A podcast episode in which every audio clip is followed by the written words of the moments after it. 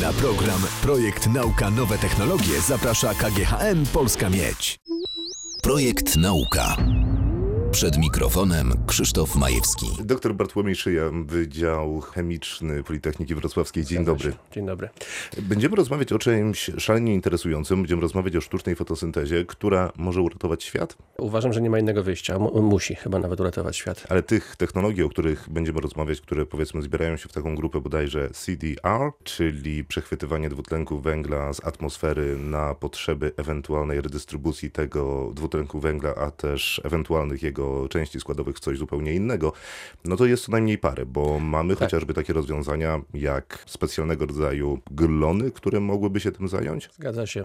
Znaczy przede wszystkim e, wszystko, co natura wymyśliła już. e, Czyli na przykład drzewa, to taka najtańsza low-tech technologia. Dokładnie tak, ale tak jak pan też wspomniał, glony i, i, i wszystko, co w, w jakiś sposób naturalnie fo, fotosyntezuje. Ciekawa jest właściwie chyba taka koncepcja, że niewiele chyba osób nawet sobie zdaje sprawę z tego, tak, znaczy mówię oczywiście o takich, o ludności tak ogólnie szeroko pojętej. No Nie, specjaliści na pewno wiedzą, o czym mówię. Natomiast w, nam drzewa się kojarzą z tym, że e, dostarczają nam świeże powietrze, tak? Ale to, że dostarczają tlen, który jest produktem ubocznym procesu fotosyntezy, to e, chyba niewiele chyba jednak ludzi sobie z tego zdaje sprawę. Że E, drzewa dostarczają tlen, to chyba w podstawówce nam mówią. tak, ale że to jest produkt uboczny.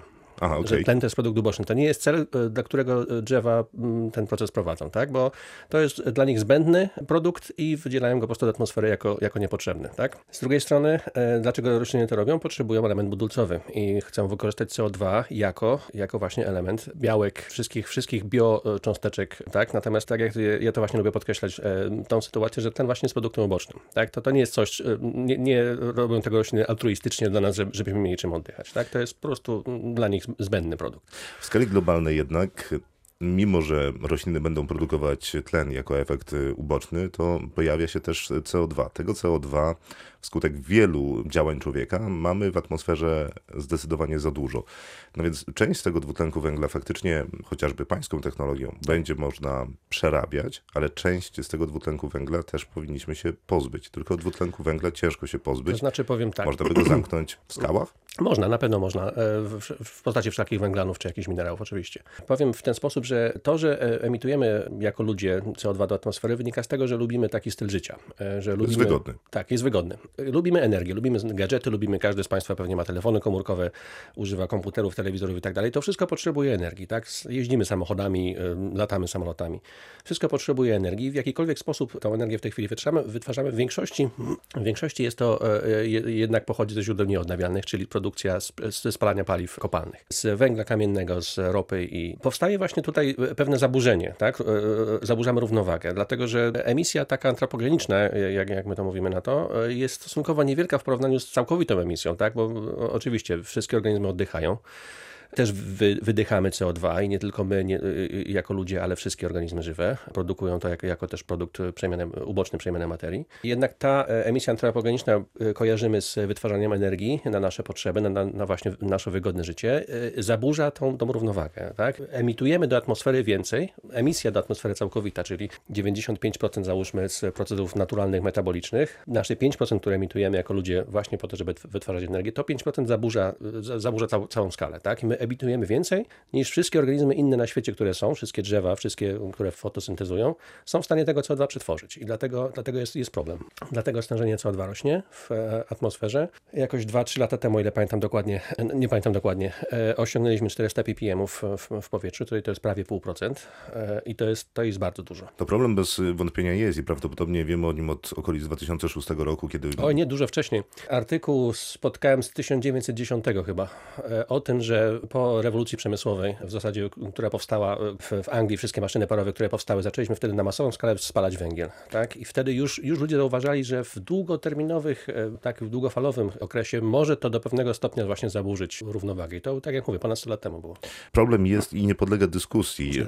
A skoro jest problem, to też mimo, że jesteśmy leniwi i to jest w naszej naturze, czy też wygodni, Tak. to w naszej naturze jest też rozwiązywanie problemów. Takim rozwiązaniem może być to, co państwo przygotowują teraz, nad czym pracują i co badają, czyli sztuczna fotosynteza i sztuczny liść. Zgadza się. Czy to chociaż wygląda jak liść? Nie, absolutnie. To jest, e, na, na ten moment to wygląda tak, że mamy w zasadzie dwa, dwa podukłady. Podukład, e, który służy do wytwarzania protonów i elektronów z, z wody. Rośliny w, w tak czy inaczej się tym zajmują tak samo jak, jak, jak my. Podejście jest ogólnie takie samo, tak? Rośliny w dalszym ciągu potrzebują wodę, tak? Dlatego właśnie podlewamy kwiatki w doniczkach i tak dalej. Z tej wody wytwarzany jest tlen jako produkt uboczny, protony, elektrony jako, jako takie czynniki, które potrafią zredukować CO2, czyli przetworzyć go, konwertować go do jakichś bardziej u, użytecznych e, dla nas Pierwiastków, e, substancji. Substancji, Czyli dokładnie. Tak jak pan mówił wcześniej, kiedy drzewo fotosyntezuje, produkcja uboczna to jest tlen, Tlen, tak. no a CO2 przerabia sobie na jakieś potrzebne składniki Dokładnie tak. budulcowe. Tylko, że w państwa procesie te składniki budulcowe zabieramy sobie my. To znaczy nie. My w dalszym ciągu wykorzystujemy jako substraty tak samo jak, jak, jak rośliny, wykorzystujemy wodę i CO2. Nic więcej do, do tego nie potrzebujemy. Potrzebujemy do tego jakiś tylko zmyślny katalizator, który byłby w stanie taką re- reakcję przeprowadzić. U roślin zachodzi to poprzez e, dwa enzymy. Tak samo jak w organizmach roślin, u nas też to zachodzi w dwóch w zasadzie pod, podjednostkach. Pierwsza podjednostka to jest taka właśnie, która wytwarza nam protony i elektrony, które będą konwertowały CO2, ale taka reakcja zachodzi już na, na, w tym drugiej, drugiej podjednostce. Sama redukcja zachodzi na katodzie. Jako anodę, czyli w zasadzie takie coś, co pod wpływem światła tą cząsteczkę wody potrafi rozbić, czyli foto, e, fotoanoda, czyli to jest proces właśnie taki, e, no, sztuczna fotosynteza, prawda? Wykorzystujemy w, w tej chwili to, co z koleżanka zajmuje się od jakiegoś czasu tym, czyli anatas, jakiś modyfikowany anatas. Przepraszam. e, Anatas, tak, tlenek, e, dwutlenek tytanu, okej, modyfikowany do, dodatkowymi Powiedz, innymi. Powiedzmy, że jest jaśniej. Okej. Fotoanod to jest półprzewodnik, tak? Na, najogólniej można powiedzieć. To jest półprzewodnik, który pod wpływem światła wytwarza, generuje przepływ prądu. Ten prąd elektryczny w postaci właśnie przepływu elektronów kierujemy do, do tej części katodowej. Protony powstałe też w wyniku tej decyzji cząsteczki wody kierujemy do części katodowej i tam jedne i drugie, elektrony i protony atakują naszą cząsteczkę CO2, która ulega tam dalszym przemianom. Co my byśmy chcieli uzyskać, to w przeciwieństwie do tego, co, co rośliny, bo chociaż biomasa to też jest dobre paliwo, prawda? Drewnem też się y, da palić w kominku, prawda? Ale chwilowo nie jest to najlepszy pomysł, tylko Ale da się, tak. sezonowane. Dokładnie tak. Straż Miejska czuwa. Straż Miejska czuwa, y, da się. Czy można, czy nie można, to już to zostawmy. Dla nas ciekawymi składnikami, które chcielibyśmy otrzymać, to przede wszystkim byłby metanol, który też może być stosowany jako paliwo. Byłby to metan, który też może być stosowany jako paliwo bezpośrednio, tak? W, w istniejących technologiach, w piecach y, można równie dobrze palić gazem ziemnym, prawda? To jest, to jest nic innego jak metan. To sekundę, to gdyby państwo potrzebowali hasła reklamowego, to by brzmiał zamienimy paliwo w paliwo? Zamienimy odpad w paliwo, tak? CO2 nie jest paliwem samo w sobie. CO2 No ale jest odpadem jest tego odpadem paliwa, czyli naszego wygodnego dokładnie, życia. Dokładnie tak. I, I proszę zwrócić uwagę, co my w ten sposób osiągamy. Redukujemy CO2 do, do paliwa, spalamy sobie to paliwo i otrzymujemy CO2. I znowu redukujemy I znowu redukujemy, tak, i zamykamy cykl. To Tak, dzięki temu zamykamy cykl, ale nie rozwiązujemy problemu, bo dalej będziemy mieli za dużo CO2 w skali E, globalnej. W, dalej będziemy mieli za dużo CO2 w skali globalnej. E, Najprawdopodobniej tak. Jednakże mamy ten czas na przystosowanie naszych istniejących technologii, żeby się odzwyczaić od parnia węglem na przykład. Tak? Mamy czas na to, żeby rozwinąć technologię fotowoltaiczną, która będzie e, generowała e, czystą energię. E, Mamy czas na to, żeby, żeby wykorzystać powiedzmy energię w postaci wodoru, które w zasadzie to jest to, co robimy na, na naszej fotoanodzie. Równie dobrze można wykorzystać to bezpośrednio, żeby wytworzyć wodór. Tak? nie tykać, że się tak wyrażę też kolokwialnie CO2 tym wodorem, po prostu wytworzyć cząsteczkę wodoru, które można równie dobrze spalać, te, też wykorzystać jako paliwo. Natomiast naszą technologią, którą my w tej chwili e, korzystamy w głównej mierze, my jesteśmy praktycznie uzależnieni od ropy naftowej i od węgla. I- chodzi o to, żebyśmy mieli czas na to, żeby się od tego odzwyczaić. A pofantuzjujmy teraz trochę. Powiedzmy, Jasne. że państwo skończyli już swoje badania, mają gotowe, działające urządzenie. Mhm. To mniej więcej jakiej wielkości ono jest i jakiej wydajności? Nasze urządzenie to jest skala naprawdę mikro, jeśli nie, jeśli nie powiedzieć nano, dlatego to, jest, to są e, rzędu pojedynczych centymetrów kwadratowych powierzchni, jeśli chodzi o naświetlanie, ale w naszym, e, te badania, które prowadzimy w mojej grupie służą temu, żebyśmy się mogli o tym procesie nauczyć jak najwięcej. Nie chcemy tego robić w skali, w dużej skali, nie chcemy tego produkować, optymalizować. E, Chcemy zrozumieć, jakie tam są czynniki, które wpływają w największym stopniu na to, żeby, że, że to CO2 się tak trudno przetwarza. Dlaczego rośliny potrzebują aż dwóch enzymów po to, żeby, żeby, żeby to w sposób marny rzeczywiście działało? Tak? Dlaczego drzewo potrzebuje aż tyle liści? Rozumiem, że udoskonalicie e, naturę. Nie wydaje mi się, natomiast nie, nie, chyba, z tym się chyba nie, nie, nie- będziemy mierzyć. Richard Branson Tak. to jest magnat, jeżeli chodzi o linie lotnicze, multimilioner powiedział, że daje się. 25 milionów dolarów dla, takiego, dla takich osób czy zespołu naukowców, Mhm. którzy rozwiążą właśnie ten problem, który państwo rozwiązują, tylko że na skalę globalną, czyli to, Tak. czym man się nie chce zajmować, to on daje 25 milionów dolarów. Tak, tak. Znaczy, nie za bardzo wiem, co mam na to odpowiedzieć. Oczywiście nikt by chyba nie pogardził taką, taką gotówką, gdyby wpadło. Nawet nie o to chodzi, żeby, żeby, żeby tam... Na badania. No. Na, dokładnie. Właśnie chciałem powiedzieć, nie, nie żeby do, na, do kieszeni własnej, żeby wpadło, tylko po prostu, żeby przy, zainwestować w, w, w, dalsze badania. My byśmy chyba chcieli zrobić w zasadzie pierwszy krok, tak? My byśmy chcieli zrozumieć, w czym jest tak naprawdę problem i jakie można by ewentualnie kroki w przyszłości podjąć, żeby, żeby ten problem tej tak bardzo stabilnej cząsteczki, jaką jest CO2, żeby, żeby to rozwiązać. Amerykański filozof, nazywa się Christopher J. Napisał książkę The Synthetic Age.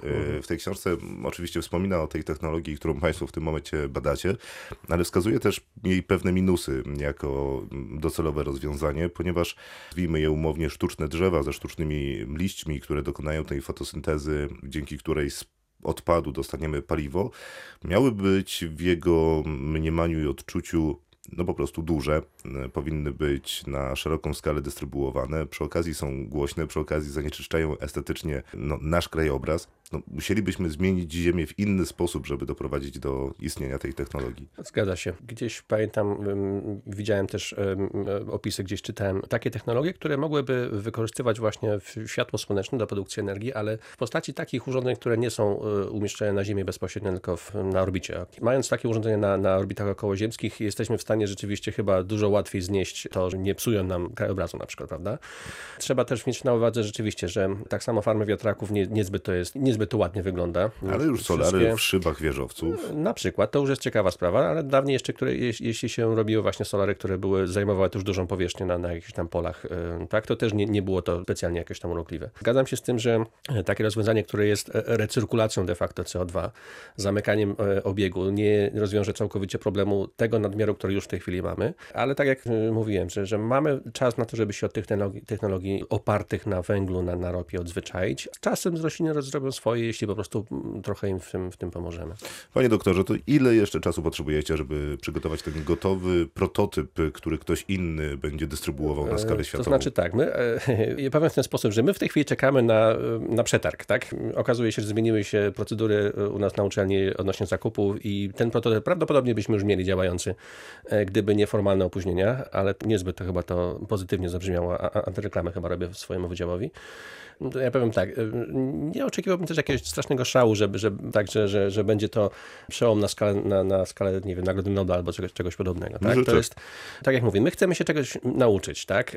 Mając tą wiedzę, będziemy mogli zaproponować, ok, warto pójść tędy, tą drogą, dlatego że powiedzmy faza aktywna, która naszego katalizatora zbudowana tak i, i tak ma dobre właściwości i prawdopodobnie tędy będzie można iść dalej i, i jest to nasze wąskie gardło.